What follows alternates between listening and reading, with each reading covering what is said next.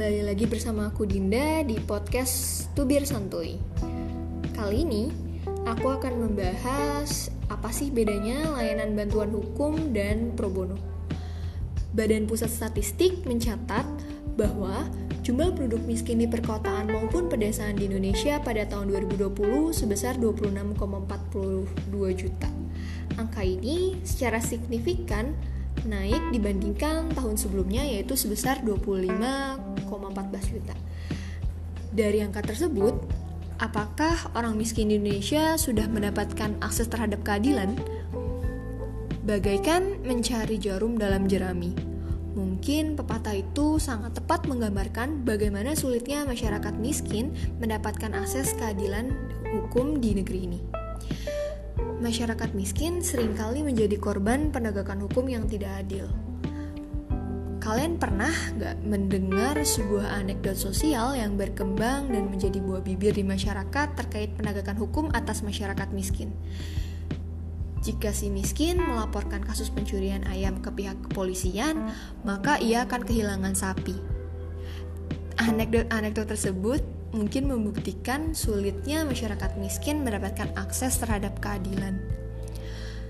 Ketika kita berbicara mengenai keadilan bagi masyarakat miskin, kita tentunya tidak akan terlepas dari akses bantuan hukum bagi mereka. Ternyata di Indonesia sendiri terdapat dua istilah helanan bantuan hukum yang sering digunakan secara bersamaan, yaitu bantuan hukum dan pro bono. Apa sih bedanya? Istilah bantuan hukum ditemukan di Organisasi Bantuan Hukum atau OBH. Hal ini berfungsi sebagai bentuk tanggung jawab negara terhadap perwujudan akses keadilan. Secara singkat, penyedia jasa bantuan hukum ini adalah organisasi bantuan hukum atau lembaga bantuan hukum yang telah terakreditasi maupun belum terakreditasi pada Badan Pembinaan Hukum Nasional atau BPHN Nah, istilah bantuan hukum ini e, dari soal biayanya, penyedia jasa bantuan hukum dilarang menarik biaya apa pun dari para pencari keadilan.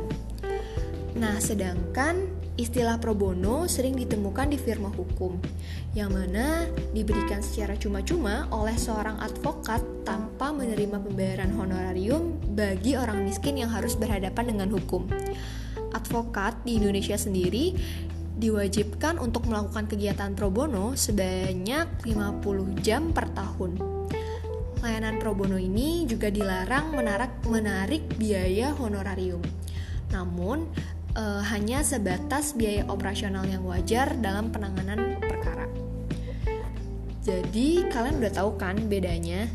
Nah, sekarang untuk mempermudah kalian dalam mencari bantuan hukum dari OBH maupun firma hukum yang memberikan layanan jasa hukum pro bono maupun bantuan hukum, kamu bisa pergi ke situs lawhub.id. Nah, di situs ini kalian bisa mendapatkan akses informasi bantuan hukum seperti informasi OBH dan LBH yang sudah terakreditasi dan juga kalian bisa melakukan konsultasi hukum secara gratis di situs lawhub.id ini. Sekian tubir santuy dari kami.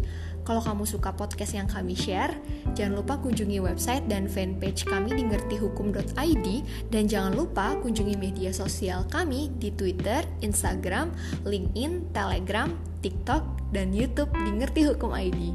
Sampai ketemu lagi ya.